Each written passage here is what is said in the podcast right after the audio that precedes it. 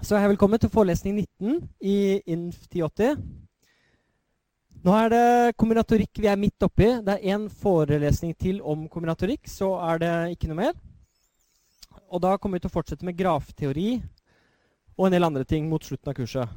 Men er det noen spørsmål før vi begynner? Er det noen spørsmål til det vi gjorde sist? Til kombinatorikkdelen? Ingen spørsmål? Det er ganske lite innhold jeg har lyst til å dele med dere i dag, men det er gøyalt. Og jeg, det er noen sånne få ting som jeg vil dere skal ha med dere ut fra dette kapitlet om kombinatorikk. Men da begynner vi bare, og så får dere avbryte meg underveis om det er noe. Nå skal vi altså lære litt mer kombinatorikk. Og hva er det?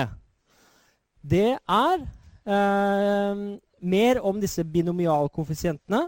Vi skal snakke om hvorfor de heter nettopp det. Og vi skal regne litt mer på det. Vi skal gjennomgå et eksempel i detalj som leder oss opp mot det som heter Pascals trekant. Jeg håper at det er en fin måte å snakke om det på. Det er i hvert fall den eh, fineste måten jeg har funnet å snakke om Pascals trekant på. Og til slutt skal vi se på opptellingsproblemer og hvordan de kan systematiseres. Fordi det er noen ting som man lærer i skolen. Det er noen sånne fraser og de frasene er med og uten repetisjon og ordnet og uordnet utvalg. Og Jeg skal komme med et perspektiv på det som er, som er uh, akkurat det samme innholdet, men det er et annet perspektiv, så det er en annen måte å se på det på, som jeg kanskje tror er enklere å forstå. Men i alle fall så er det sånn at hvis man klarer å se på det på begge måtene, så er det det beste og det optimale. Så vi skal begynne med det jeg har kalt Polias eksempel. Og det er den samme Polia som skrev 'How to solve it', som vi snakket om tidlig i kurset. Dere har ikke glemt det? Nei, og de det er så bra. altså De, de metodene eller de eh, spørsmålene der som han ramser opp. Hvis du ikke klarer å løse et problem, prøv å løse et som er enklere. Eh, tegn en figur. Forstå problemet. Og med de tre tingene der så kommer du veldig langt. Spesielt den 'løs et problem' som er litt enklere, som er en enklere variant av det. Så hvis dere får en stor formel og avgjør om den er gyldig, og dere ikke klarer det, forsøk å forenkle den. Lat som, lat som om en bit av den er byttet ut med en annen, og så se hva som skjer. Vi skal nå leke oss i denne trekanten her. Eh, ikke trekanten, men denne firkanten som står sånn. Det er en trekant, men eh, det er også en trekant under. Så du kan se på det som to trekanter. da. En over og en under. Vi kan egentlig se på det som masse prikker. Og nå er spørsmålet på hvor mange måter kan vi gå ovenfra og ned i den figuren. Og det er en fin oppgave, det. Så da kan dere løse den. Ok, Jeg kan vise dere en måte å gå på. da. Hvis vi går der oppe og går til venstre, så kan vi fortsette å gå til venstre. Um, og vi kan fortsette å gå til venstre helt dit, og så kan vi ta til høyre. Så kan vi gå inn til venstre, og så kan vi gå ned dit igjen. Det var én. Hvor mange forskjellige sånne kan du lage? Det er et fint kombinatorisk problem. Hvis jeg nå i stedet for å gå sånn, så går jeg kanskje sånn. Går litt sånn sikksakk. Det er en annen måte. Eller hvis jeg går sånn, så er det en tredje måte. Eller hvis jeg går sånn, så er det en fjerde måte. Så det jeg vil dere skal prøve å tenke på nå, er hvor, hvordan kan vi regne ut det? Hvordan kan vi systematisk regne ut det? Her er det ikke noen formel som bare gir oss svaret. Vi er nødt til å tenke oss frem til hva er det som gir oss antallet veier ned. Hvordan kan vi løse det problemet litt mer systematisk? Da skal vi begynne å gjøre det. Og hva er det Polia er så opptatt av, eller hva er det han sier om igjen og om igjen? Hvis du ikke klarer å løse det problemet, prøv å løse et enklere problem. Så hva om vi sjekker hvor mange stier eller sånne streker vi kan lage fra toppen, og så ikke gå så langt? Bare se hvor mange måter er det å komme til det andre punktet på, f.eks. Nå skal jeg prøve å tegne på skjermen og forklare det jeg gjør samtidig. Hvis vi står her oppe og så går vi hit. Hvor mange måter kan jeg komme dit på? To, sier du. Én, sier du. Hvem vinner? Hvor på hvor mange måter kan jeg komme ned hit? Jeg tør å påstå at det er én måte å komme dit på. Fordi dette er den eneste måten. Hvis du begynner her oppe, da, det er det som er antakelsen. På hvor mange måter kan du komme hit? Det er én måte å komme dit på. Det er altså én måte å komme hit på. Det er hvis du går den andre veien. Men nå kan vi også spørre hvor mange måter kan vi gå ingen steder på? På å bare være her oppe? Én. Så nå kan vi begynne å sette på sånne tall. Og de tallene betyr hvor mange måter går det an å komme dit på. Så jeg kan sette en ener der. Er dere enig i at jeg kan sette en ener på andre siden? Det er helt likt. Hva med der, da? Er det også én måte å komme dit på? Ja. Men nå, i midten der, hvor mange måter er det å komme dit på? Tre? To, hører jeg. Eller litt forskjellige tall. Det er i hvert fall mer enn én, for jeg kan gå sånn og sånn. Eller jeg kan gå sånn og sånn. Men da er det ikke lov å gå rett ned, da. Ah, det var det du tenkte. Ok, Det er ikke lov. Og, um, og, når jeg sier at det ikke er lov, så er det bare fordi jeg har laget reglene sånn. Og det er det spørsmålet jeg er ute etter. Hadde vi, hadde vi uh, hatt det andre spørsmålet, så hadde vi fått et annet svar da. Nå skal vi undersøke det å bare gå uh, på skrå til venstre eller skrå til høyre. Vi kunne tatt det andre problemet og gå rett ned, men ikke i dag. så det er to. Er dere enige i det? To. to måter å komme dit på. Og her borte så er det bare én. Helt ytterst på randen der er det bare én. Men hva nå med det punktet her? Hvor mange måter kan vi komme dit på? Ja, må vi undersøke, da. Det undersøker vi litt. Nå er det målet. Det er den som er rødringen rundt seg. Og nå skal jeg se. Jeg kan gå sånn og sånn, og så kan jeg gå sånn. Det var én måte å komme dit på. La oss gå sånn og sånn og sånn. Kan også komme dit. Er det noen flere måter å komme dit på? Ja, nettopp. Du, du peker med armen, og du kan gå sånn og sånn og ned. Og det ble jo tre måter det å komme dit på. Og det var greit. Da blir det tre. Og, og da håper jeg dere er enige i at det å gå hit, det er symmetrisk. Det er ikke noen forskjell om du er på venstre eller høyre side. Så det å gå dit, det er også tre. Eh, det er også tre steg. Og så det siste her ute, måter å gå dit på, det er én måte å gå dit på. Bra. Og da tar vi det siste punktet her ute. Hvor mange måter kan vi komme dit på? Det er kun én måte. Du er nødt til å gå, bare gå rett ned og bort sånn. Hvis du velger høyre et eller annet sted, så bommer du. Da er du stuck. Da er det ingen måte å komme dit på. Så det er sånn ingen vei tilbake. Hvis du først har tatt en høyresving, så er det ikke mulig å komme dit. Men nå, nå begynner det å bli interessant. Hva med den der? Hvor ma mange måter kan jeg komme dit på? Og det er fire, roper dere ut. Enten så er dere skarpe i dag, eller så er dette veldig enkelt. Eller kanskje både òg. Um, det er i hvert fall én måte å gå dit på herfra. Det er kun én måte derfra, og det er sånn. Men hvorfor er det eh, tre måter til? Vel, dere må jo være enige at for å gå dit, så er vi nødt til å komme herfra. Eller vi er nødt til å komme herfra. Enig? Det er den eneste måten å komme hit på. Og så er det jo én måte å komme til det venstre punktet over på, men det er tre måter å komme dit på. Og fordi det er tre måter å komme dit på, så kan jeg bare pup, gå rett dit. Og så svaret blir fire. Poenget er nå at svaret er summen av de to tallene over. Og det er fordi antallet stier som går til et punkt, det er summen av antallet stier som går til punktet over til venstre der, og det som går til høyre på den andre siden. Ok, Så nå kommer da selvfølgelig spørsmålet mitt. Nå skal jeg renske skjermen for alle disse kråkestrekene. Hvor mange måter kan jeg komme hit på? Seks er det noen som sier og roper ut. Fem er det noen andre som roper ut og sier.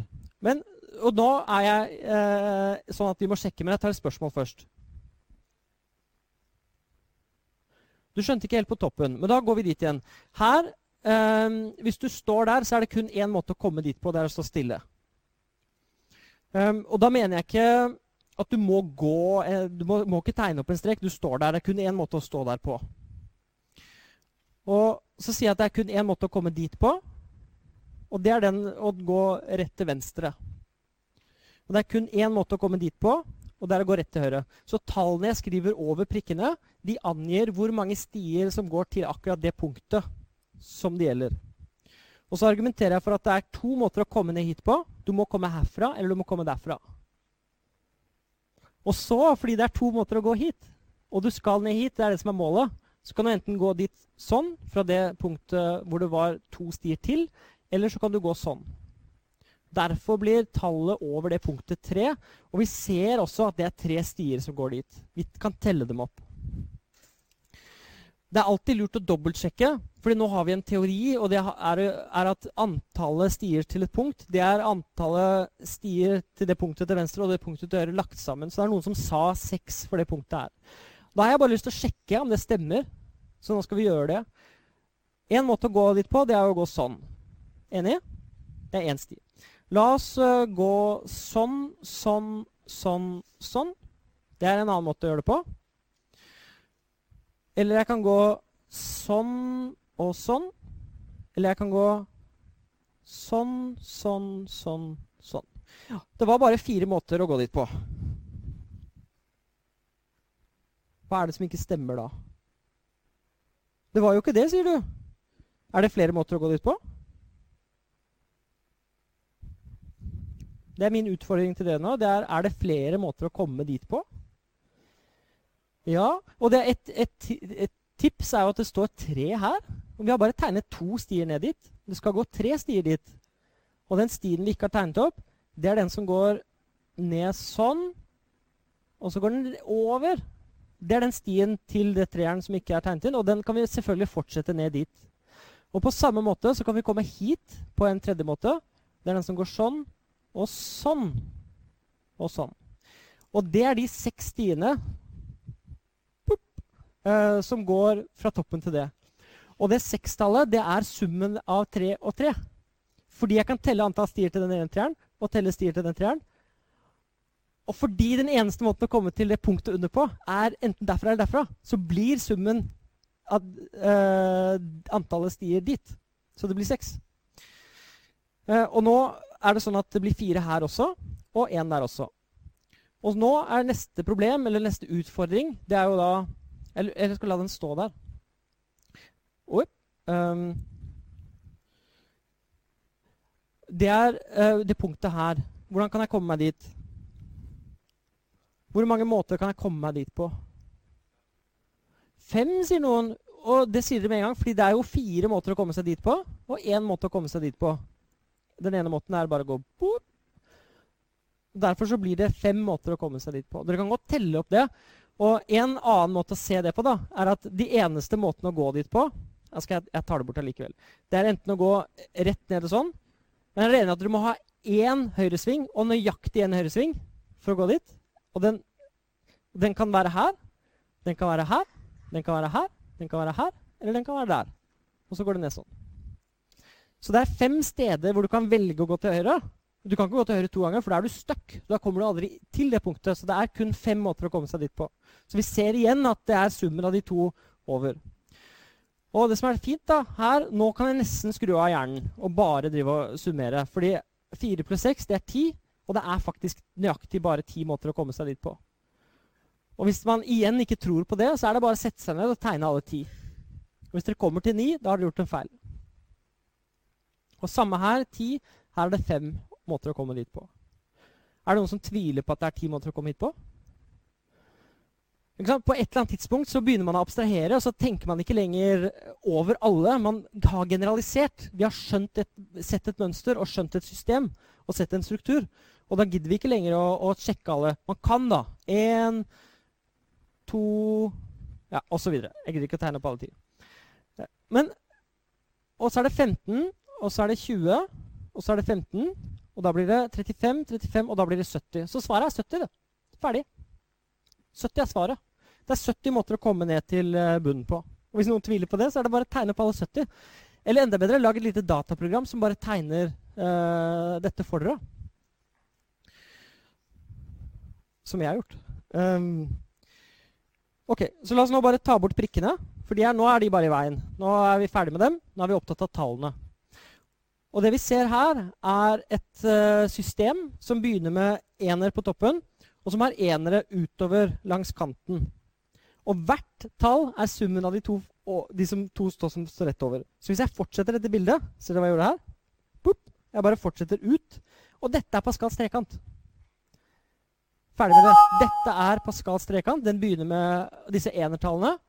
Og så begynner den å summere opp alle tallene eller trekanten summerer ikke. Vi summerer. Vi setter et tall under, som er summen av de to tallene som er rett over.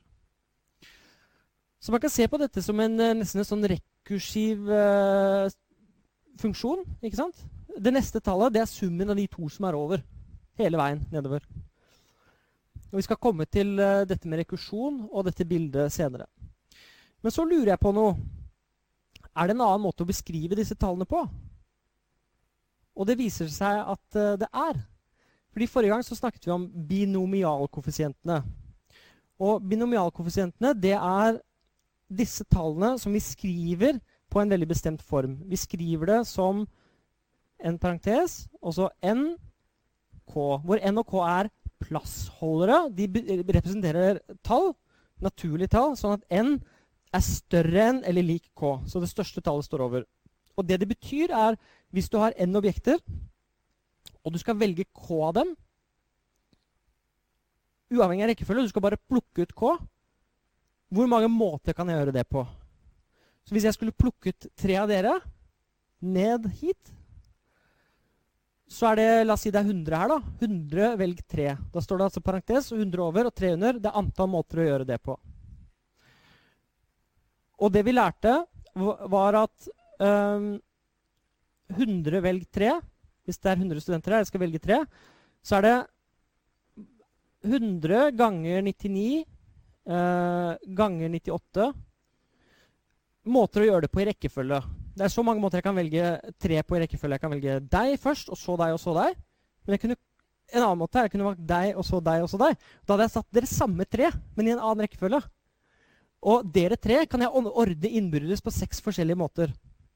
Så for hver gang jeg plukker ned tre, så er det faktisk seks måter å ta de ned på. Og jeg er nødt til å kompensere for uh, det med å dele på uh, de seks måtene. Så jeg må dele på tre ganger to ganger én. Så det er intuisjonen bak n velg k, eller 100 velg 3. Og så kan vi skrive ned dette på en veldig spesifikk måte. Vi kan skrive n fakultet men hva er det? Det er jo, I eksempelet vårt med 100 så er det 100 ganger 99 ganger 98 ganger 97 ganger 96 helt ned til 1. Det er altfor mange. Så vi er nødt til å fjerne noen av dem. Og hvor mange skal vi fjerne nå, hvis vi har n og k-en? Vel, da ser jeg på eksempelet, for det er mye enklere. 103. Hva er det jeg egentlig skal fjerne? Jeg skal fjerne 97 fakultet. ikke sant? Jeg skal fjerne 97 ganger 96 ganger 95 osv. ned til 1. Fordi jeg skal kun sitte igjen med de tre første tallene øverst. Hva er det jeg må dele med da? Jeg må dele med 97 fakultet. Men hvis n er 100 og k er 3, så blir jo det n minus k, det. Fakultet. Så det som står der nå, det er 100 ganger 99 ganger 98. Ja, kjempefint. Men så må jeg huske å dele med 3 fakultet, så jeg må dele med k-fakultet også. Og det, den brøkstreken som står der nå, er definisjonen av n vel k. Det er sånn vi definerer det symbolet. Så jeg bare prøver å avmystifisere det litt. Eh, det er mye lettere å forstå det hvis man har et sånt eksempel i hodet. Nå er spørsmålet hva har dette med denne trekanten å gjøre? Vel, eh, det viser seg at alle tallene i denne trekanten er sånne tall. Dere, hvis dere følger med nå, skal jeg vise de i to sekunder, og så skal jeg ta det bort igjen. Boop. Alle tallene er eh, binomialkoeffisienter. Hvorfor det? Det er spørsmålet mitt nå. Hvorfor er det sånn at disse tallene er disse NVLK-tallene? Og Det er en veldig fin måte å forstå det på. Fordi Se for dere at dere skal eh, ned hit, til sekseren. Hvor mange måter er det å gå dit på? Det har vi funnet ut. da. Det er seks. Men hvordan kan vi tenke på det som noe velg noe annet? Vel, For å komme ned dit så er du nødt til å tegne fire streker. Er dere enig i det? Du er nødt til å gå én strek, én strek, en annen strek og en annen strek. Du er nødt til å tegne fire streker. Og min påstand nå er at to av de strekene er nødt til å være høyrestreker, og to av de er nødt til å være venstrestreker. Det er den eneste måten å komme dit på. Du er nødt til å gå til venstre to ganger, og du er nødt til å gå til høyre to ganger. Vi kan sjekke det på alle de mulige. Vi kan gå høyre, venstre, venstre, høyre. Så alle må ha to av hver. Hvis ikke så går det ikke an å komme til det seksertallet. Og det betyr at du har fire tegn. To av de skal være venstre, to av de skal være høyre. Det blir det samme som fire velg to. Hvis jeg jukser litt igjen boop, Der står det fire velg to inni sirkelen. Så går jeg tilbake. Så nå har vi i hvert fall argumentert for at det tallet der må være fire velg to. Men hva om du ønsker å gå hit? Hva betyr det? Vel, du må fremdeles ha fire streker men nå skal tre være venstrestreker og én være høyrestrek. Er dere ikke enig i det? Men er det sant for alle stier ned dit? Tre venstrestreker og én høyrestrek. Ja, det stemte for den. Stemmer det for hvis jeg går sånn, da, og sånn? Ja. Det blir tre, det òg. Eller én venstre Nei, én høyre, mener jeg, og tre venstre. Det stemte, det også. Så tre av de må alltid være venstrestreker, og én må være høyrestrek. Og hvordan kan vi uttrykke det som NVLK? Vel, du har fire tegn. Du skal velge ett tegn som skal være høyrestrek. Så det blir fire velg én. Og det er nøyaktig det som står bak julekalenderen, eller hva det er. det der. Um, er dere klare til å se hele bildet uten at jeg bare tar det bort? Ja. Uh, det ser sånn ut. Og øverst så står det 'null, velg null'. Det er antall måter å velge null objekter fra null på. Det er bare én måte å gjøre det på. Uh, gjør ingenting. Og det å velge null elementer, det er liksom raden på venstre side nedover på skrå. Hvor du bare går til venstre. Det er å velge null elementer fra noe. Det å velge ett element fra en mengde med åtte på, det er åtte velg én. Det er åtte måter å gjøre det på. Og det er åtte veier ned dit fra toppen. Så disse binomialkoeffisientene er nøyaktig det samme som antall veier ned i dette gitteret. Og vi ser fire velg to i midten her, som vi begynte med. Fordi der, Du skal tegne fire streker. To av de skal være høyrestreker. La oss ta fire-tre. Da skal vi ha tre høyrestreker. Fordi her er det én venstrestrek, og så må du ha tre høyre. Eller du kan gå høyre, venstre, høyre, høyre. Det blir også tre. Eller du kan gå to høyre og én venstre. Og dette er grunnen til at fire velg tre og fire velg én blir det samme tallet. For det å velge de tre som skal være til venstre, eller de tre som skal være til høyre, er det samme som å velge den ene som skal gå den andre veien. Så disse er duale. Det er derfor vi får en symmetri i dette bildet, så alt på venstresiden er likt alt på høyresiden. Så moro. Jeg, jeg, blir glad når jeg ser dette. da. Jeg blir uh, ordentlig glad. Men er det noen spørsmål til dette bildet nå? Ikke? Uh, det er én ting vi kan gjøre som er smart. Det er å prøve å se en rekursiv sammenheng på en eller annen måte. Uh, nå må du si ifra til meg hvis jeg går for fort frem. Men la oss bare velge oss et eller annet tall. Uh, la oss ta fem, velg tre. Her. Den. Kan vi ikke si det sånn, da? Bare ved å lese ut fra tabellen. At fem, velg tre, det er lik fire, velg to pluss Hva står det andre tallet der? 4 velg 3. Det jeg har gjort nå, er å zoome meg inn på den biten der. Så bare ser jeg på den biten alene. Um, og så skal jeg jukse litt. 10 er lik 6 pluss 4. Det stemmer, det. 10 er lik 6 pluss 4. Men hva nå om jeg prøver å uttrykke dette litt generelt? eh, å finne en generell formel for eh, den sammenhengen. En rekursiv formel. Hvordan kan jeg f.eks. uttrykke eh, det tallet her som en funksjon av de over ved å bruke n og k i stedet for? Nå skal jeg prøve å abstrahere. Ja, og en fin måte å gjøre det på, det er å skrive det her. Hvis jeg sier tall eh, n pluss 1, for da skal jeg si hva som skjer i neste eh, rad. Så n pluss 1 nå, det er 5. Ok? n pluss 1 er 5. Velg k. Hvis jeg nå sier at det er det neste tallet, fordi n velg k var det forrige tallet Nå skal jeg definere n pluss 1 velg k. Hva er det, hvis jeg kan uttrykke det ved hjelp av n og k? Nå er det jo veldig enkelt, fordi det står n pluss 1 er 5. Uh, eh, og det, det, kommer herfra. Der. Det betyr at uh, hvis jeg nå bare oversetter det og abstraherer det, så vil det stå n her oppe. Er dere enig i det? For det står jo n pluss 1 eh, først. og Da må det stå n der, fordi n pluss n er 5, og da blir n 4. Men så er det nk er 3. Oi, oi, oi. Nå må jeg konsentrere meg. Uh, for nå skal det stå 2 i stedet for. Og da må det jo stå ikke k, for det, her står det en toer, så det må stå k minus 1. Og her står det en treer. Ah, det blir bare k. Sånn. Boop. Og nå har vi skrevet en formel. og den Formelen er n pluss 1 velg k er lik n velg k minus 1 pluss n velg k. Og hvis dere gir det der til en tilfeldig person i gata, så er det bare What? Hva er det der? Det ser veldig fancy og avansert ut, men det er ikke noe annet enn Vi har generalisert bare den trekanten i midten der. Vi har generalisert det at tar du to tall som er her oppe, plusser dem sammen, så får du det tallet som er under.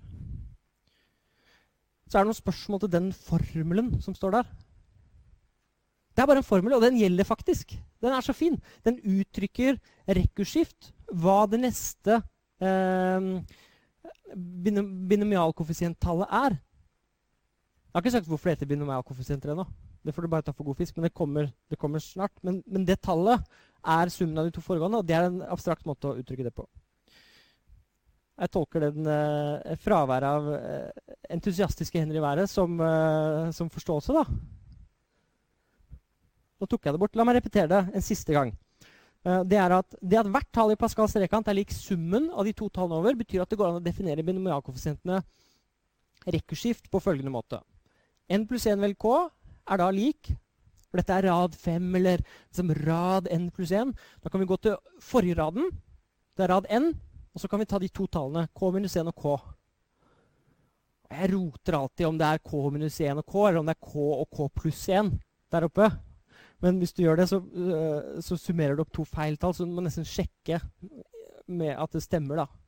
På enten intuitivt eller på en eller annen måte. For å gjøre dette mer konkret så kan vi gå tilbake til eksempelet. Og da får vi 5 velg 3 er lik 4 velg 2 pluss 4 velg 3.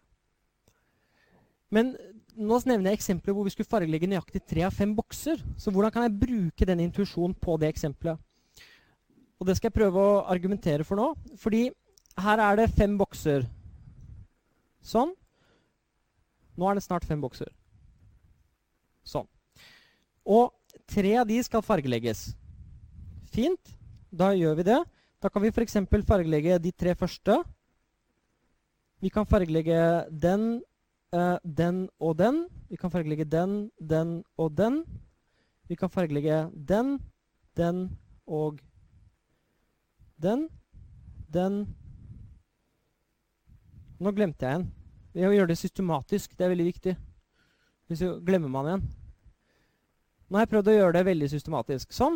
Nå har jeg ramset opp seks måter å fargelegge de tre boksene på. Eller de fem, da. Det første tilfellet her det svarer til at eh, de tre eh, boksene der blir, får en farge, osv. nedover. Så dette er seks eh, måter. Og det som står her, da, det er ti. Ti skal være lik 6 pluss 4. Og hvis dere bare ser på dette her, så er dette de seks hvor jeg har valgt den første fargelagt. Den første boksen skal fargelegges. Det er de seks måtene å gjøre det på. Og da sitter jeg igjen med et nytt problem, og det problemet er du har fire bokser, du skal fargelegge to. Og Det er derfor det står fire velg to der. Så hvis du har fem bokser og skal fargelegge tre, så kan du gjøre det systematisk. Du kan fargelegge den første boksen, og så får du et nytt problem. Da skal jeg fargelegge to av de fire neste boksene. Hvis du ikke fargelegger den første boksen, men du velger at den skal ikke ha farge, da må du fargelegge tre av de fire neste med blå farge eller en annen farge. Og derfor står det fire velg tre. Det er enda en måte å se den sammenhengen på. Så Vi kan se det på det som stier gjennom en, et gitter. Vi kan se på det som en rekursiv formel. Vi kan også se på det veldig konkret med å tenke oss Det er to muligheter for den første boksen. Enten skal den fargelegges. Da får vi et nytt problem. Fire velger to. Enten så fargelegges den ikke. Da får vi et nytt problem. Det er fire velger tre. Det er de fire resterende boksene. Bare for å tegne opp de på den andre siden, for å være bare veldig pedantisk og nøyaktig, så er dette de fem boksene igjen. Og så er det noen tilfeller hvor uh, den første boksen ikke blir fargelagt. Og da skal jeg bare dobbeltsjekke at det blir fire måter å gjøre dette på. Dette er én, dette er to. Dette er tre. Ok, Hva gjør jeg feil nå? Jeg fargelegger bare to. Jeg må fargelegge tre av dem. ikke sant? De tre boksene der skal fargelegges. Uh, og jeg kan ikke gjøre det på nytt. Det er litt kjedelig, fordi dette er ikke forskjellige tilfeller. da, Så sånn kan jeg ikke gjøre. Men jeg må gjøre sånn. For jeg må finne alle de forskjellige måtene å gjøre det på. Så er det en hvor jeg gjør sånn og hvor jeg gjør sånn. Og det siste tilfellet er hvor jeg fargelegger de tre siste. Så dette er alle ti måtene å fargelegge fem bokser på med tre farger. Er det noen spørsmål til dette? Det er, det er en måte å forstå igjen på da, at fem velg tre er lik fire velg to pluss fire velg tre. Ja.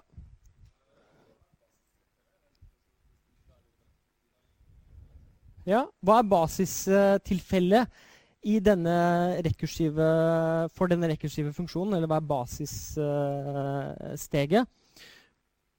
og da må vi undersøke, da.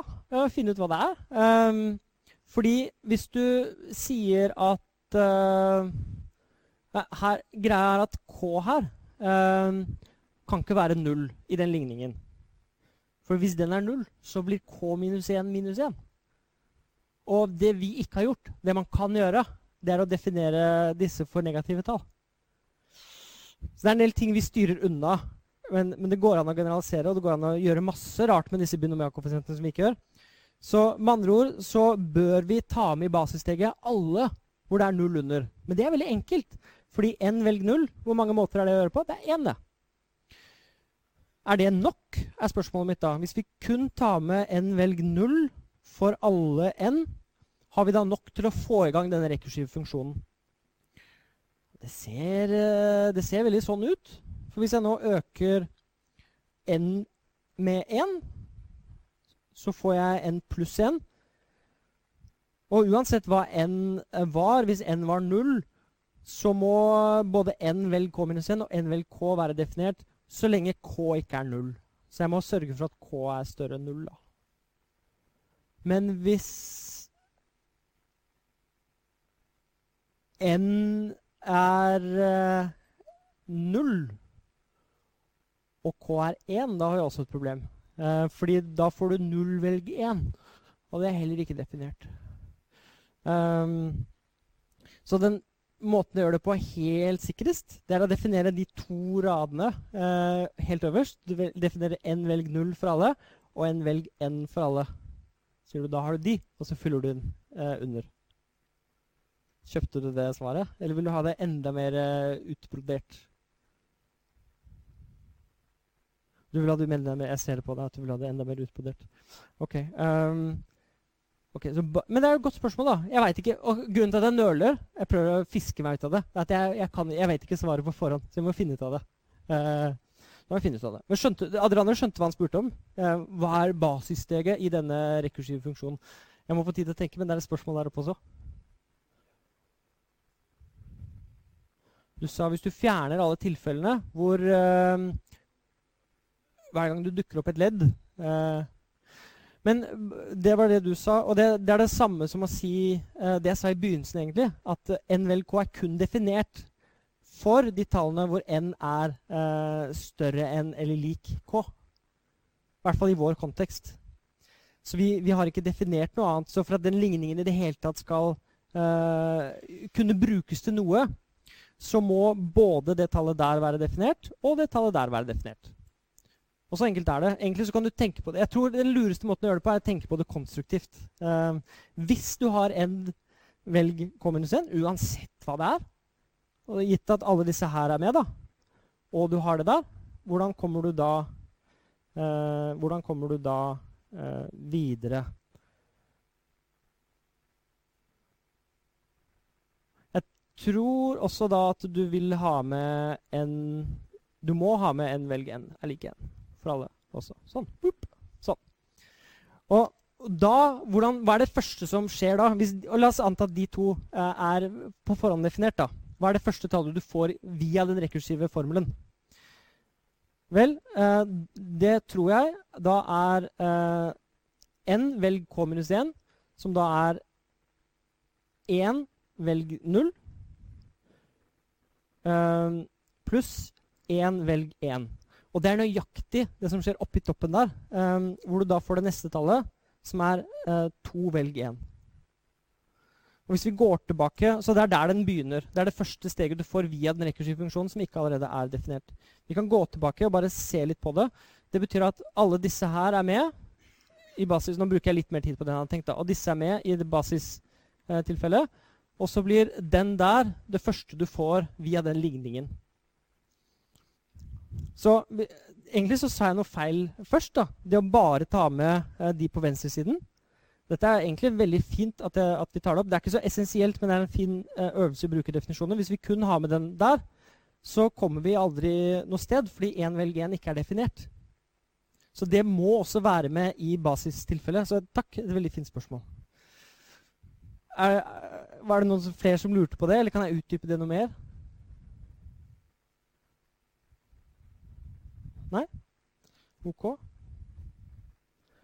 Fint. Jeg håper jeg dere har skjønt det. da. Er det noen andre spørsmål til dette? Det som står der nede, er nøyaktig det jeg sa. Hvis den første boksen er fargelagt, må, to må to av de fire resterende boksene fargelegges. Det er seks måter å gjøre det på. Fint. Men la oss, la oss, se på hvorfor det heter eh, binomialkoeffisienter, da. Fordi det heter det. Og hvorfor kalles de det? Vel, for å svare på det eh, må vi kunne ekspandere uttrykk på den formen der. X pluss Y opphøyd i ente. Så nå, skal vi bare gjøre det. Dette er en sånn øvelse i, i uh, litt sånn regning. Vi skal gjøre det opp til n er lik 5. Hvis du opphøyer noe null, hva får du da? Uansett hva du tar. Du får 1. Greit. Ok, Hva skjer hvis vi opphøyer noe i 1, da? Det betyr at vi skal gange det med ingenting. Det skal bare ganges med ingenting. Du skal bare være der. Du skal ha én eh, faktor som ser sånn ut. Og da får du det samme ut. Og nå har jeg satt på noen sånne overflødige ett-tall. Jeg har skrevet én ganget med x i første pluss én ganget med y i første. Dere er enige at det er det samme som x pluss y? For det er bare lagt til noen enere her og der. Og enere gjør ingenting. Men nå, denne, nå blir det mer interessant. da. Hvis jeg ganger et sånt plussuttrykk, x pluss y, med seg selv, x pluss y ganget med x pluss y, da må vi gange ut. Um, og måten å gjøre det systematisk på og skal ikke gjøre det mer enn en gang, det er å si vet du hva, det er x pluss y gange med x pluss y. Og da må du her nede sette x ganger x, og det er den som kommer derfra. Og så må du gange x, den x-en med den y-en. Da får du xy.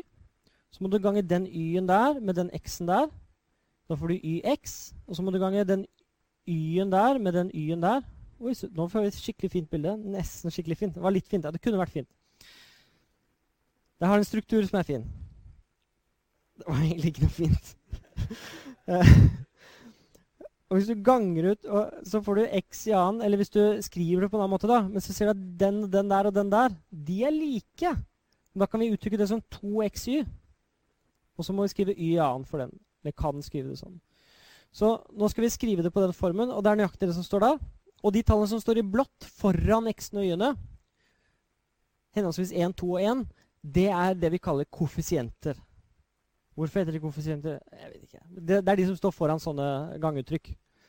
Når noen snakker om ax i a-en pluss bx pluss c, så a-en er en koeffisient, og b-en er en koeffisient. For de står foran disse tallene, og så ganger de, ganger de dem på en eller annen måte. Ja. Men nå er det jo spennende, da. Hvordan skjer dette hvis jeg gjør tre? Nå kunne jeg tegnet det samme bildet jeg kunne tegnet et bilde Egentlig burde jeg gjøre det. Uh, men jeg tuller ikke, for det, uh, det, er en, bra ting som kommer ut av det. Uh, så la oss gjøre det. X pluss y Skal vi se om jeg klarer å lage et fint bilde. da. X pluss y, X pluss y. Det er det det uttrykket betyr. Og hva skal nå det bli? Da må jeg lage en, en, en pil fra x og x og x. Da får jeg tre x-er ved siden av hverandre. X, x, x. Jeg vet ikke om jeg kanskje angrer meg på at jeg gjorde dette her. Um, hvis jeg nå tar uh, den x-en og den x-en Men jeg tar y derfra. Så får jeg x, x, y. Hvis jeg nå tar OK, kanskje jeg skal være litt mer systematisk. Er det andre måter jeg kan få x, x, y på? Eller to x-er og én y? Jo, OK, jeg kan ta den x-en der. Og den x-en der. Og den y-en der. Da får jeg egentlig x, y, x. Men det er greit. Det er det samme. Det er to ekstra y. Er det noen andre måter jeg kan gjøre det på? Ja, jeg kan ta y og x og x. Y, x, x. Er det noen andre måter jeg kan gjøre det på? Nei, det er ikke det. Er det noen måter jeg kan få um, to y-er og en x på? Ja, det er jo det. Jeg kan ta en y der, jeg kan ta en y der, og jeg kan ta en x der. Da får jeg y, yx. Eller så kan jeg ta en y der, og så kan jeg ta en y der, og så kan jeg ta x-en derfra. Da får jeg y, x, y. Og så kan jeg ta x-en herfra, uh, og så y-en herfra, og y-en herfra. Jeg sa det ikke ble et pent bilde.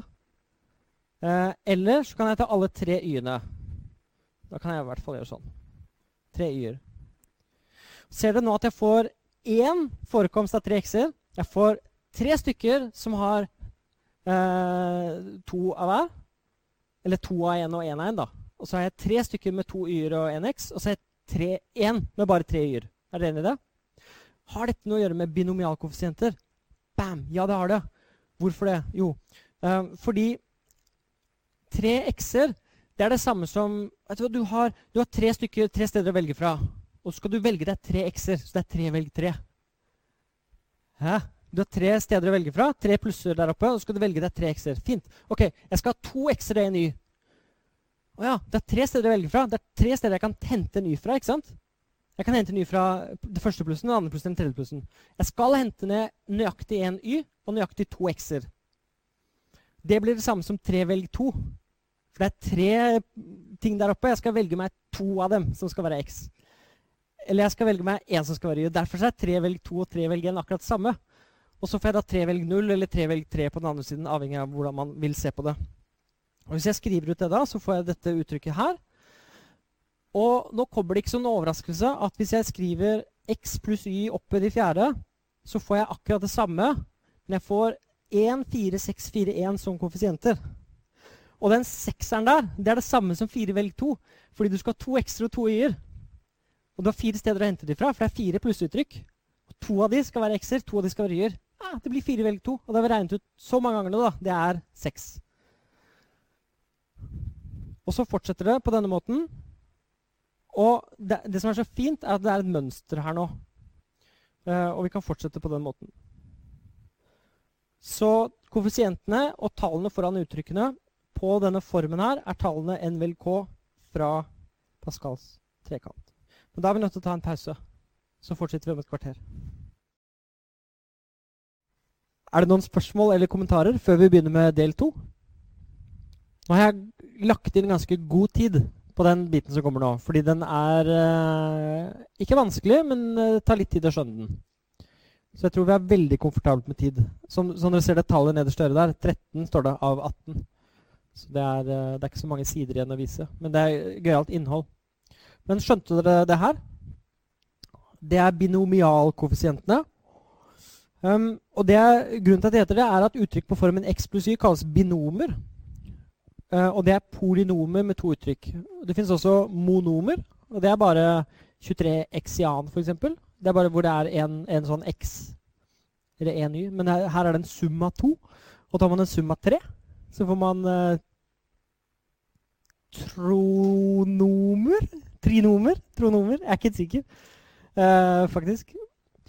Så du kan godt uh, For moro skyld så googlet jeg en gang trinomialkoeffisienter. Uh, og så fant jeg treff på det, så det er noe som heter det. Det skal vi ikke snakke om. Eller Nei. Jo, men jeg vil det. Uh, bare si én ting. for man kan lage seg sånn um, trekant med sånne ett-tall øverst. Men så summerer man tre tall over istedenfor to. Og da får man en annen trekant med andre tall. Så du tar ett tall, så tar du de tre som er over. Da får du trinomialkoeffisientene. Er ikke det Ok. Sånne ting kan man finne ut av, da. Um, ja, sånn er det. I denne Pascals trekant så finner man uh, mange rare tallrekker og mange normale tallrekker. Kanskje vi skal gå tilbake til den og titte på den, bare for moro skyld.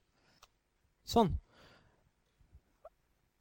Um, er det noen som ser uh, de naturlige tallene i den? Ja. Vi ser en uh, rad eller rekke nedover her med de naturlige tallene. Fint. Er det noen som ser kvadrattallene? Og, og et kvadrattall, det er uh, et tall som er uh, ganget med seg selv. 25 er et kvadrattall fordi det er 5 ganger 5. Hvorfor heter det kvadrattall? Jo, fordi hvis du setter 5 ganger 5 flasker foran deg i et sånt uh, rutenett, så får du 25 hvis du setter det i et kvadrat.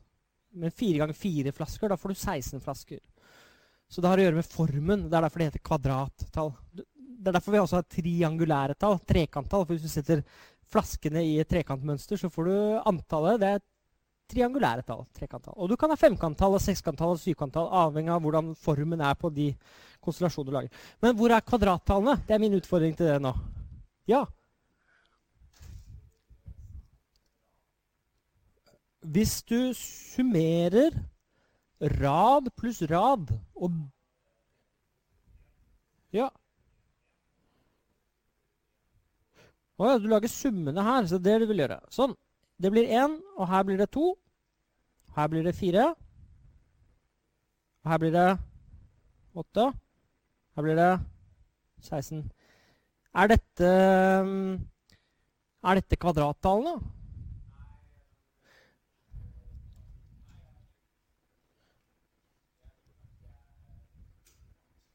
Se her, 64. Det blir en veldig annen fin tallrekke. Det var den jeg hadde tenkt å spørre om først. Men så kanskje det, du skjønte det? Ja? 4 er lik 6 pluss 10, sier du.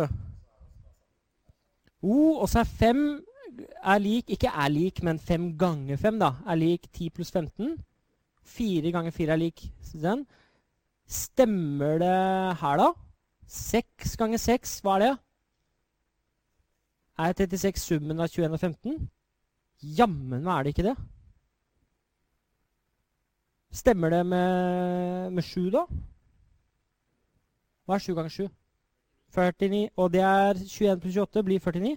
Stemmer det hvis vi går nedover, da? Er 3 er det 3 pluss 6? Ja, det er det. Er 2 er det 3 pluss 1? Ja. Det er 1, da? Er det 1 pluss Der var det ingenting. Men det gikk bra, det òg. Noen ganger så går det. Så, så, det er helt riktig. Og så kan man spørre Jeg skal stoppe her, da. Men det er gode grunner til at det er sånn.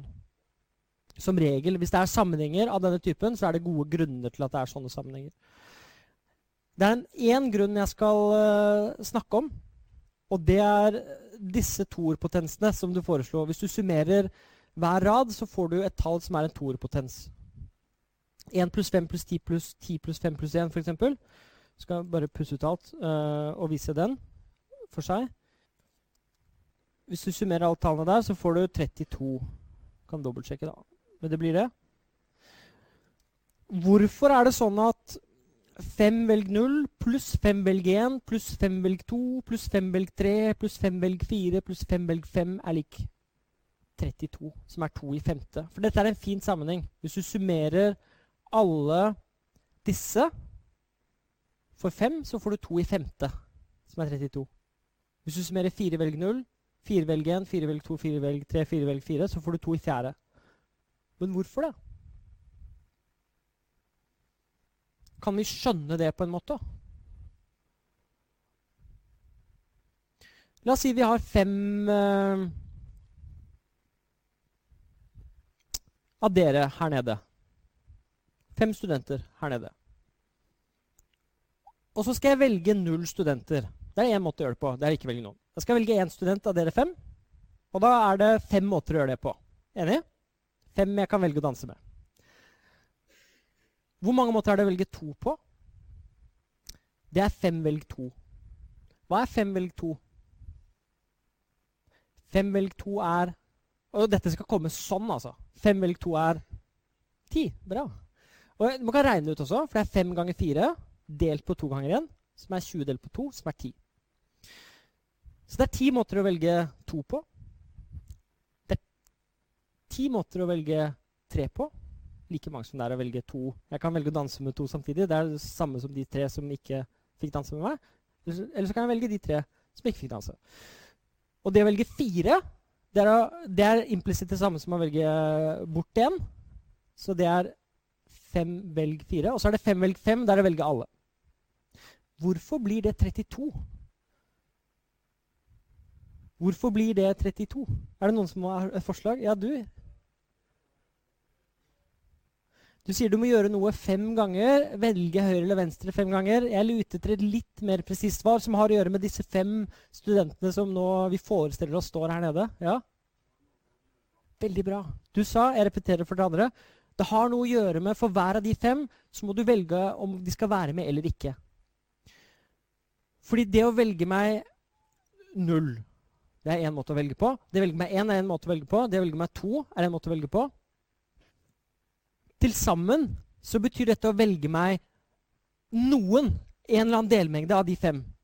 Til sammen så blir det det. Fordi hvis jeg velger dere fire, eller dere to, eller dere tre, så er det alle sånne kombinasjoner. De blir fanget opp i en av de seks summene der. Enten så er det sånn at jeg har valgt meg to, og det er disse to. Eller så har jeg valgt meg tre, og det er disse tre. Antallet delmengder av en mengde med fem elementer er to i femte, som er 32. Fordi det er én delmengde med null elementer. Det er én delmengde med Nei, det, er, det er fem delmengder med ett element, og jeg teller antallet. Det er ti delmengder med to. Det er ti delmengder med tre. Det er fem delmengder med fire studenter, og det er én delmengde med alle. Så summen av alle mulige antall delmengder blir to i femte. Fordi for hver student så må jeg velge om studentene skal være med eller ikke. i den aktuelle delmengden.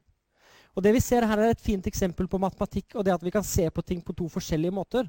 Vi kan se på 32 som en veldig fin sum. Summen av de tallene som er ringer rundt her. 1, 5, 1, 5, 10, 10, 5, 1. Og den summen gir mening, fordi enten så må du velge 0, 1, 2, 3, 4 eller 5. Eller så kan vi se på det som uh, 2 i femte. Så det er to perspektiver på tallet 32. Og det generaliserer til alle disse tallene nedover. Så også 64 har den samme sammenhengen. Og 128 har den samme sammenhengen.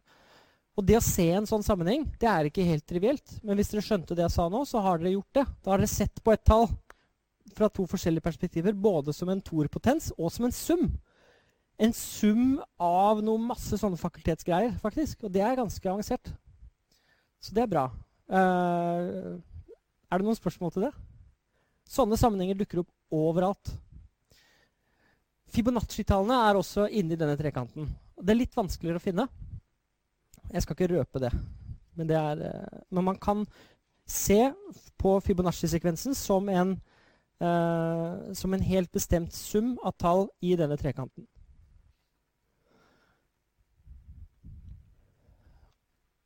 Da fortsetter vi her. Igjen, jeg repeterer, da. Bare for å ta dette veldig kort. Igjen, hvis du, hvis du skriver x pluss y opphøyd i ente, så er det n forekomster av den summen x pluss y. Hvis vi multipliserer ut det, så får vi to i ente-ledd. Hvorfor det? Jo, fordi du velger deg enten x eller y for hver av de n. Så enten x eller y, enten x eller y, enten x eller y, enten x eller y, enten x eller y. Så får du to opphøyd i ente måter å gjøre det på. Den første er bare x-er, den siste er bare y-er, og så har du alle mulighetene imellom. Hvert av disse leddene er på formen F1, F2, F3, F4 osv. opp til Fn, hvor n er det samme som den n som er helt øverst der. Hver faktor Fi er altså enten x eller y. Så alt må være på den formen. Enten så er det bare x-er, x, x, x, x, x, n x-er, eller så er det n y-er. Eller så er det kanskje tre av hver, eller noe sånt, hvis n er lik. Uh, seks totalt. Spørsmålet er hvor mange av disse leddene som er identiske, og det er det vi akkurat nå har svart på. Så jeg bare gjentar det hvor mange av de som er identiske. Fordi vi har regnet ut at XXYY er det samme som XYXY, for det er to og to y-er. Og hvis du regner ut alle mulige sånne kombinasjoner, så får du fire velg to, som er seks. Så svaret er altså at det er n velg k-ledd, hvor det er k forekomster av faktoren y. Så hvis du skal ha k x-er, så blir det n velg k. I vårt tilfelle da fire velg to. Nå bare gjentar jeg det mer abstrakt, um, med n og k. Um, for å være helt nøye. Og hvis du tar x pluss y i fjerde, så får du de fire der. Og da gjentar jeg altså vi får fire velg to er seks ledd med to forekomster i, og det er de seks leddene der. Så det er det. Hvis dere har skjønt dette nå, så er jeg veldig fornøyd, faktisk. Fordi, fordi ja, det er en sånn kjerne. Nå skal jeg ikke si mer om binomialkoeffisienter, så hvis det er noen spørsmål til det, så har dere muligheten nå. Eller så går jeg videre. Ok. Nå kommer den, den morsomste delen syns jeg, da. Og mest utfordrende delen. Igjen så skal vi se på noe på to forskjellige måter. Vi skal systematisere sånne opptellingsproblemer um, på en måte som jeg syns er veldig fin og berikende. Noen vanlige ord som brukes, er jo 'ordnet utvalg'. Og det er en frase man ofte bruker. Og man skal gjøre et utvalg av noe, og det skal være ordnet. Så rekkefølgen spiller en rolle. Det er det ordet 'ordnet' betyr. Og så sier man ofte mer repetisjon, og, og, da kan du bruke noe om igjen. Og antallet måter å gjøre det på blir da fem ganger fem ganger fem, som er forkortet med fem i tredje. Det er mange måter å skjønne det på, da. men hvorfor heter det mer repetisjon? Det er fordi du ikke bruker opp uh, de uh, objektene som du tenker deg du har. Hvis jeg hadde tatt fem av uh, dere, da, uh, igjen bruke det som et eksempel Jeg skal velge blant dere fem tre ganger. Hvis det er dere fem der, da. Uh, kan jeg gjøre det? Er det greit? Mm. Bra. Um, mm. Så tar jeg et valg. Jeg velger deg. Ja. Og så velger jeg deg. Og så velger jeg deg igjen. Fordi jeg har ikke brukt det opp. Ikke sant? Det er det som er mer repetisjon. Jeg kan repetere deg. Så jeg skal ha fem å velge mellom, og jeg må gjøre det tre ganger. Eller med tilbakelegging, sa du. Det var kommentaren umiddelbart. Eller du kan uttrykke det som med tilbakelegging. Og det kan du også gjøre. Så hvis dere har skjønt det, så er det bra. Det er en måte å tenke på det på. Med repetisjon, med tilbakelegging. Og så var rekkefølgen viktig. Hva jeg valgte først, hva jeg valgte som nummer to, og hva jeg valgte som nummer tre. Det var ikke bare at det var dere to som ble valgt. Det var det at jeg valgte den rekkefølgen. Hvis jeg hadde valgt deg, og så deg, og så deg, så hadde det vært noe annet igjen. Så jeg får, har fem muligheter for hvert valg, og da blir det totale antallet måter jeg kan gjøre denne prosessen på. Det er noe prosessuelt der. Det er fem ganger fem ganger fem. Hvis jeg ikke hadde kunnet repetere, og det brukte det opp, da hadde jeg valgt deg og så deg. Men jeg kan ikke ta deg, da. Så blir det deg. Og da blir det fem ganger fire ganger tre, og det er eh, 5P3, som vi kaller det. Fint. Det var enkelt, var det ikke det? Nå kommer det moroa. Og da er det uordnet utvalg. Hvis jeg kun skal velge um, Jeg har fem, og jeg er ikke opptatt av rekkefølgen. Og, um, og, jeg skal velge tre av dere. Så har vi nå snakket om gang på gang at det er fem velg tre. Det er den notasjonen. Og fem velg tre det er fem ganger fire ganger tre deler på tre ganger to ganger én. Husker dere bare hva fem velg tre var? Sånn uh, fra tabellen? Ti, ja. Hvorfor er det det? Vi kan gange ut. Fem ganger fire ganger tre, hva blir det?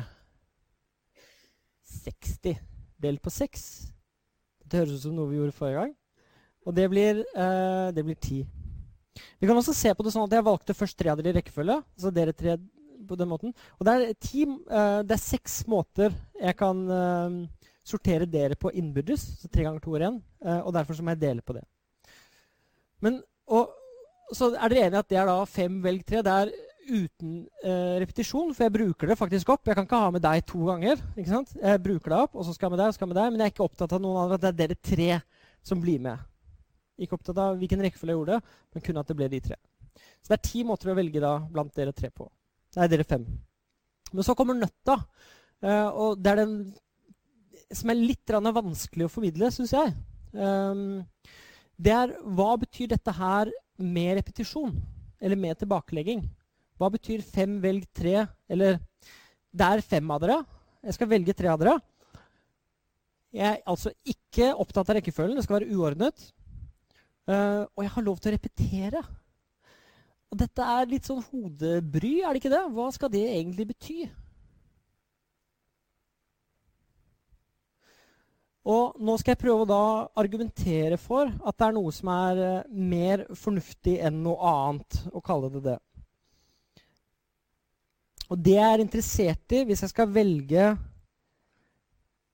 blant dere tre ikke opptatt av rekkefølge, men jeg, jeg, kan gjenta dere. Skal vi, bare, skal vi eksperimentere litt? Bare, bare, se hvordan eksperimenteringen bærer en. Jeg velger deg. Så velger jeg deg, og så velger jeg deg. Det var én måte å gjøre det på. Fint. Jeg er ikke opptatt av rekkefølgen, men det ble dere tre. Enige? Beklager at dere blir sånn utsatt. Jeg skal velge noen andre etterpå. Um, velger deg, Jeg velger deg, så velger jeg deg igjen. Hva skjedde nå? Og Jeg er ikke opptatt av rekkefølge, men du ble valgt to ganger. Hva skal det bety? Det betyr at du, du har på en måte et toer på deg. Du får sånn toertall over deg, mens du får et enertall over deg. Vi kan ta noen andre fem, da. Uh, jeg ser ikke Der er det fem! Dere fem sitter på rad. På rad tre der. Så hva betyr det at jeg skal velge tre av dere med repetisjon, men ikke opptatt av rekkefølge? Hva? Hva sa du? Jeg blir vilkårlig, sier du. Men det, okay, det matematiske problemet er nå hvor mange måter kan jeg gjøre det på? Så hvis jeg velger deg da, tre ganger, så er det én måte å gjøre det på. Eller jeg kan velge deg tre ganger. Eller jeg kan velge dere tre liksom én gang hver. Eller kanskje jeg velger deg to og deg én. Eller deg én og du to. Eller du to og du én. Eller dere tre én. Ser dere hva som er på gang? Så jeg, nødt til, jeg kan gjenta meg, men, uh, men jeg er ikke opptatt av rekkefølgen jeg gjorde det i. Men at du ble valgt to ganger, det er jeg opptatt av. Og at, at du ble valgt én gang, er jeg opptatt av. Ja? Spørsmålet var er det noen begrensninger på hvor mange ganger du kan velge hver person. Og det er jo nå tre, da. Men, uh, men ikke noe mer enn det. Jeg kan ta én person og velge den personen tre ganger. Er dere enige at, Så det eneste jeg er opptatt av, er faktisk hvem som blir valgt um, uh, hvor mange ganger. Hmm. Det er en nøtt Det kommer en formel nå. Altså er det, hvordan skal jeg klare å formidle den på riktig måte? Um, lurer på om jeg skal gjøre et triks igjen. Uh, igjen. Her, ja. Her, dette her er bra. Dette er moro. Uh, her er det tre kopper. Du må bare stoppe meg hvis dere syns dette blir banalt. Men jeg tror ikke dette er banalt, for dette er litt sånn tricky å forstå. Her er det tre kopper. Enig? Bra. Jeg skal gi de tre koppene til dere fem. Og nå er det mer repetisjon. Det er at jeg kan gjenta dere. Ikke koppene. Koppene blir brukt opp. Men jeg er ikke opptatt av rekkefølgen. Det er uordnet. Uh, da får du en kopp. Vær så god. Og da får du en kopp. Vær så god. Og så får du en kopp til, du. Han smilte så godt. Hva skjedde nå? To kopper. Ok, Så det er 0, 2, 0, 0, 1. Hvordan kan vi uttrykke det på en eller annen måte? Altså antallet måter å gjøre det på. Det er det som er nøtta. Det er det jeg vil dere skal tenke på.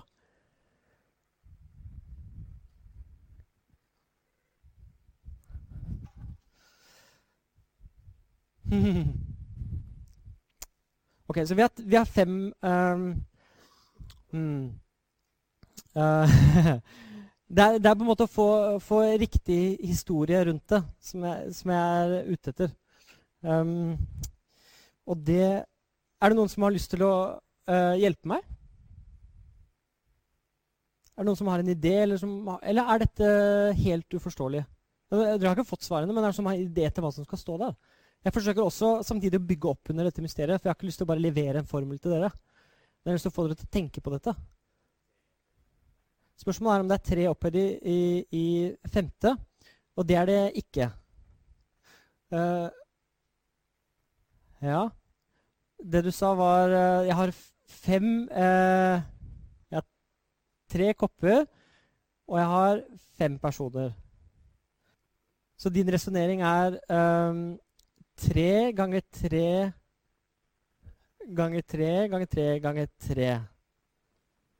Og hva betyr det egentlig? Det betyr at jeg skal ta et valg, og jeg har tre muligheter. Hva er det jeg har muligheter til å velge mellom da? Det er en av koppene, ikke sant? For det er tre kopper. Så, har, um, så du skal få en av de koppene. Og du kan velge mellom tre av dem. Og samme deg, og samme deg, og samme deg, og samme deg. Men, men hva sier hvis du tar kopp én, du tar kopp én, du tar kopp to? Du tar kopp to, og du tar kopp én. Jeg har ikke så mange kopper. Så det går ikke, det. Er dere enig i det? At det blir, det blir krøll? Fordi det betyr noe annet. Så det var et fint forslag, men det funker ikke. Ok, nå kommer denne. Jeg har fem forskjellige områder her. Her er et område, her er et område, her er et område, her er et område, her er et område. Det er dere fem. Jeg skal putte tre kopper oppi der. et eller annet sted. Og Det svarer til å putte f.eks. en kopp der, en kopp her og en kopp her. Det var én måte å gjøre det på. Eller jeg kan ha to kopper her. Er dere enig i det? Og vi skal nå prøve å oversette dette til symboler. Så nå er det tre eh, rundinger og fire streker. Er dere enig i det? Så de fire strekene de skiller menneskene fra hverandre. Så glem, eh, glem, menneskene. Dere sitter nå fire stykker der, og dere har noen sånne skillevegger mellom dere. Det er fire skillevegger alt i alt. Og så kaster jeg en kopp opp, og den havner opp eh, en av disse områdene. Og det betyr at en av dere får en kopp. Og hvordan kan vi oversette dette til noe taktisk? Ok, Så det er, hvor mange symboler er det totalt på skjermen? Det er syv symboler totalt. Og hvor mange av de skal være streker? Fire. Hvor mange av de skal være rundinger eller kopper? Tre. Så vi skal ha, altså ha syv symboler. Tre av de skal være rundinger, fire av de skal være streker. Og derfor blir det syv velg tre. Beklager at jeg, jeg, jeg ville egentlig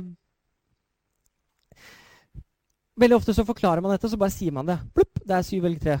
Og det er fordi du kan uttrykke det som om det er eh, fire båser, tre av noe annet, og så bare er det antall måter å velge at tre av de skal være rundinger på. Jeg håper dette hjalp. Uh, skjønte dere det?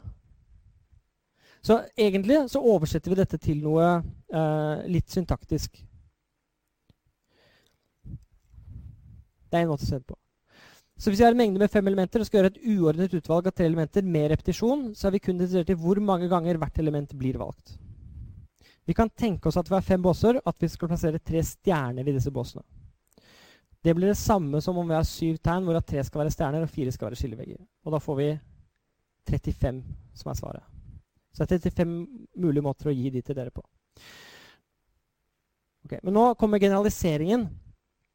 Um, og det er at hvis vi skal velge k elementer fra en mengde med n på, så n er gitt, og du skal velge k, så kan det gjøres på følgende måter. Og dette er tabellen.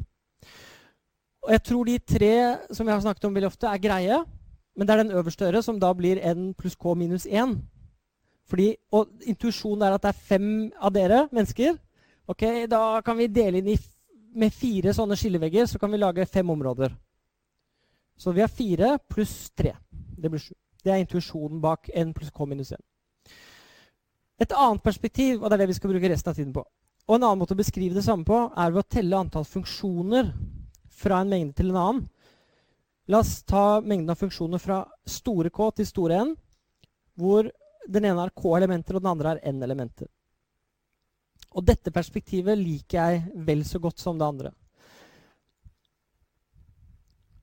Så nå skal vi gjøre det. Um, hvis vi ser på alle funksjoner fra en mengde til en annen, fra mengden K til mengden N, og vi ikke identifiserer K Og det jeg mener med det, er at hvis K består av eh, noen tall, så er de identifisert.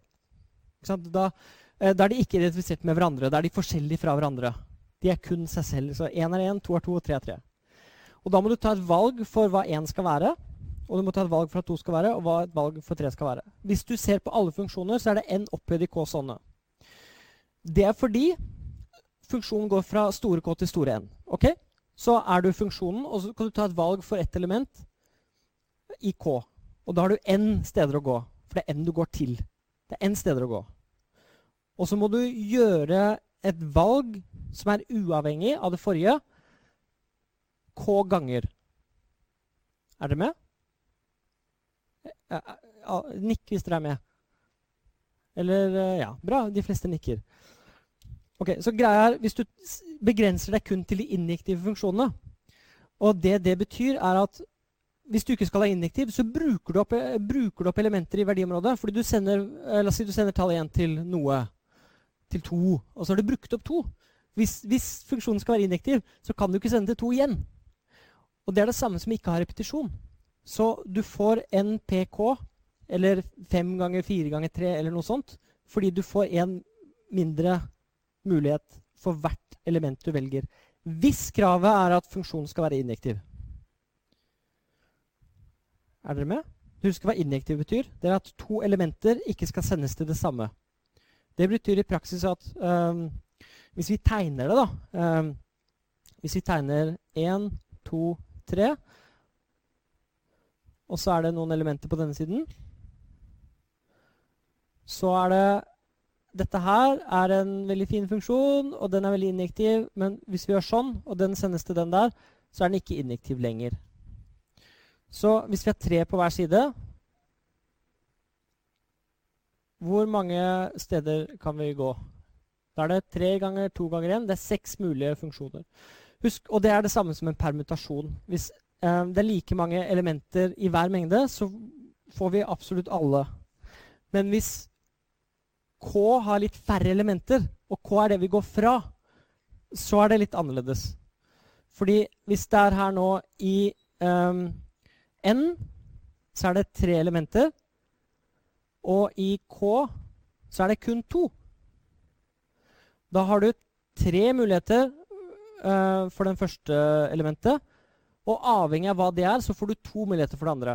Så her er det, her er det seks funksjoner. Det er tre ganger to. Hvis det hadde vært fem elementer oppi her, sånn, da har vi hatt fem muligheter for den første og fire muligheter for den andre. Da har vi fem ganger fire. Og det kan vi no bruke notasjon 5P2 for. Fordi da var det da to elementer her i K. Så Det er et annet perspektiv på det. Um, og så sier jeg at Vi kan godt identifisere elementene i mengden K, det vi går fra. Og Det betyr at vi ikke ser forskjell på det. Uh, og hvor mange måter er det da å gjøre det på? Og Da viser det seg da at det er n velg K måter å gjøre det på. Hvis vi begrenser oss til injektive funksjoner, um, men vi identifiserer K um, Og det jeg mener med å identifisere K, er uh, følgende jeg, Igjen så skal jeg gjøre dette koppeeksempelet. Ga jeg fra meg koppene? Ja, veldig bra. Her får jeg kopper. Bra. Så nå skal jeg lage funksjoner uh, fra K til N.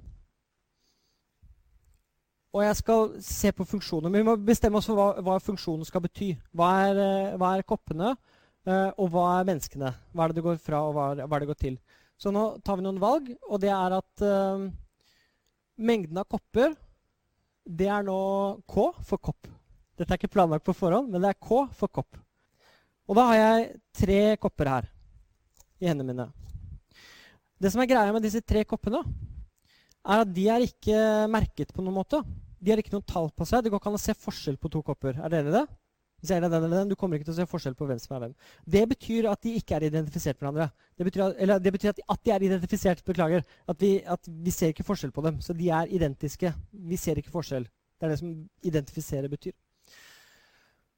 Og så er det sånn at N, uh, det, er, uh, det er dere. Og nå skal jeg lage funksjoner fra kopper til dere. Ok, Er dere klare? Hva, og en funksjon skal da sende en kopp til et menneske. Da tar den den koppen her som argument. Og så ender du opp med den. Og så skal funksjonen være injektiv. Det betyr at jeg kan ikke gi deg en ny kopp, fordi du har allerede fått en kopp. Og så gir jeg deg en kopp. Vær så god. Og gir deg en kopp. Vær så god. Nå har de tre fått kopper. Jeg kunne ikke gi to kopper til samme person. Hva var det som skjedde nå? Fem velg tre. Det var fem personer. De fikk tre kopper. Fordi de ikke kan identifiseres, de koppene, så blir det eh, det tallet der. Og nå er det sånn at jeg skal ha til en tusj hvis jeg får koppene tilbake. Nå skal jeg skrive tre tall på koppene. Um, en, to, tre. Sånn. Nå står det tre tall på koppene. Og nå skal jeg dele de ut til dere. Men eh, Og hvilken situasjon er vi i da? Nå har jeg en funksjon fra kopper til dere, og jeg har skrevet tall på koppene. Ok, Da bare gjør jeg det, da. Uh, gi en kopp til deg. Det er kopp nummer én. Det står det på den igjen. Og La oss si at jeg skal ha injektive kopper. Ok, Så du får kopp nummer to. Det står to på den. Du får kopp tre. Det står tre på den. Hvor mange måter kunne jeg gjøre det på? Dette er en test. Ja? NPK. Riktig. Fordi jeg hadde fem valg, og så hadde jeg fire valg, og så hadde jeg tre valg. Så 5P3. Hva er det øverst å gjøre der? Hva betyr det at alle funksjoner å identifisere K? Vel, hvis jeg får koppene tilbake Nå pusser jeg et merkene på dem. Ikke noe merke på dem. Og nå er det sånn at jeg skal gi de til dere. Kopper til dere. Dere er N. Og uh, alt er lov. Alle funksjoner er lov.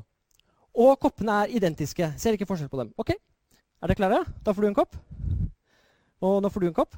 Du har ikke fått så mange kopper. Da kan du få to. Og det er det, Nå kunne jeg gjøre det, fordi det var alle funksjoner. Og nå endte vi opp med en situasjon hvor du fikk to, og du fikk én. Men koppene har ikke noe tall på seg, og de er ikke identifisert. Og da har vi akkurat den samme situasjonen som det vi hadde før, og vi får det tallet der, det crazy-tallet. Og Det er det samme som å ha eh, fire båser. Og oppi disse båsene skal jeg putte tre kopper som jeg ikke kan se forskjell på. Og Det er det samme som å ha syv symboler i rekkefølge, hvor fire er én type og tre er en annen type.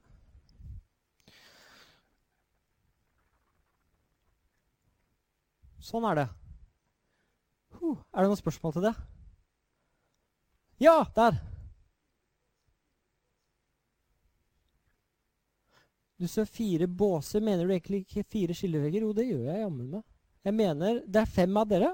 Hver av dere har en bås. Og for å realisere det, så er jeg nødt til å ha fire skillevegger. Du har helt rett. Veldig bra. Er det andre spørsmål eller kommentarer til dette? Er det spørsmål til noe annet? Om uh, eller førsteordenslogikk eller Nå har vi to minutter igjen, og jeg er ferdig med kombinatorikk. Jeg klarer ikke å forklare dette på bedre måter enn det jeg har gjort nå. Dere kan se på disse telleprinsippene som baller og mennesker, eller uh, kopper og mennesker, eller hva som helst. Eller man kan tenke på det som sort, strenger og bokstaver og alt sånt. Jeg liker funksjoner, og det svarer på en måte til eh, kopper og mennesker, eller putte baller i båser, eller et eller annet sånt. Um, det siste siden er blank for at vi skal kunne skrive ting. Der, der er det, så hvis det er noe dere lurer på, så tar vi det der. Hvis ikke så møtes vi ja, Vi avslutter nå. og Så møtes vi neste uke. Og da fortsetter vi med grafteori, om jeg ikke husker feil. Det er algebra først! Å, det er gøy! Uh, abstrakt algebra på tirsdag. Det er det gøyeste av alle kapitlene. Ok, vi ses, vi ses på tirsdag. God helg. Ha det bra.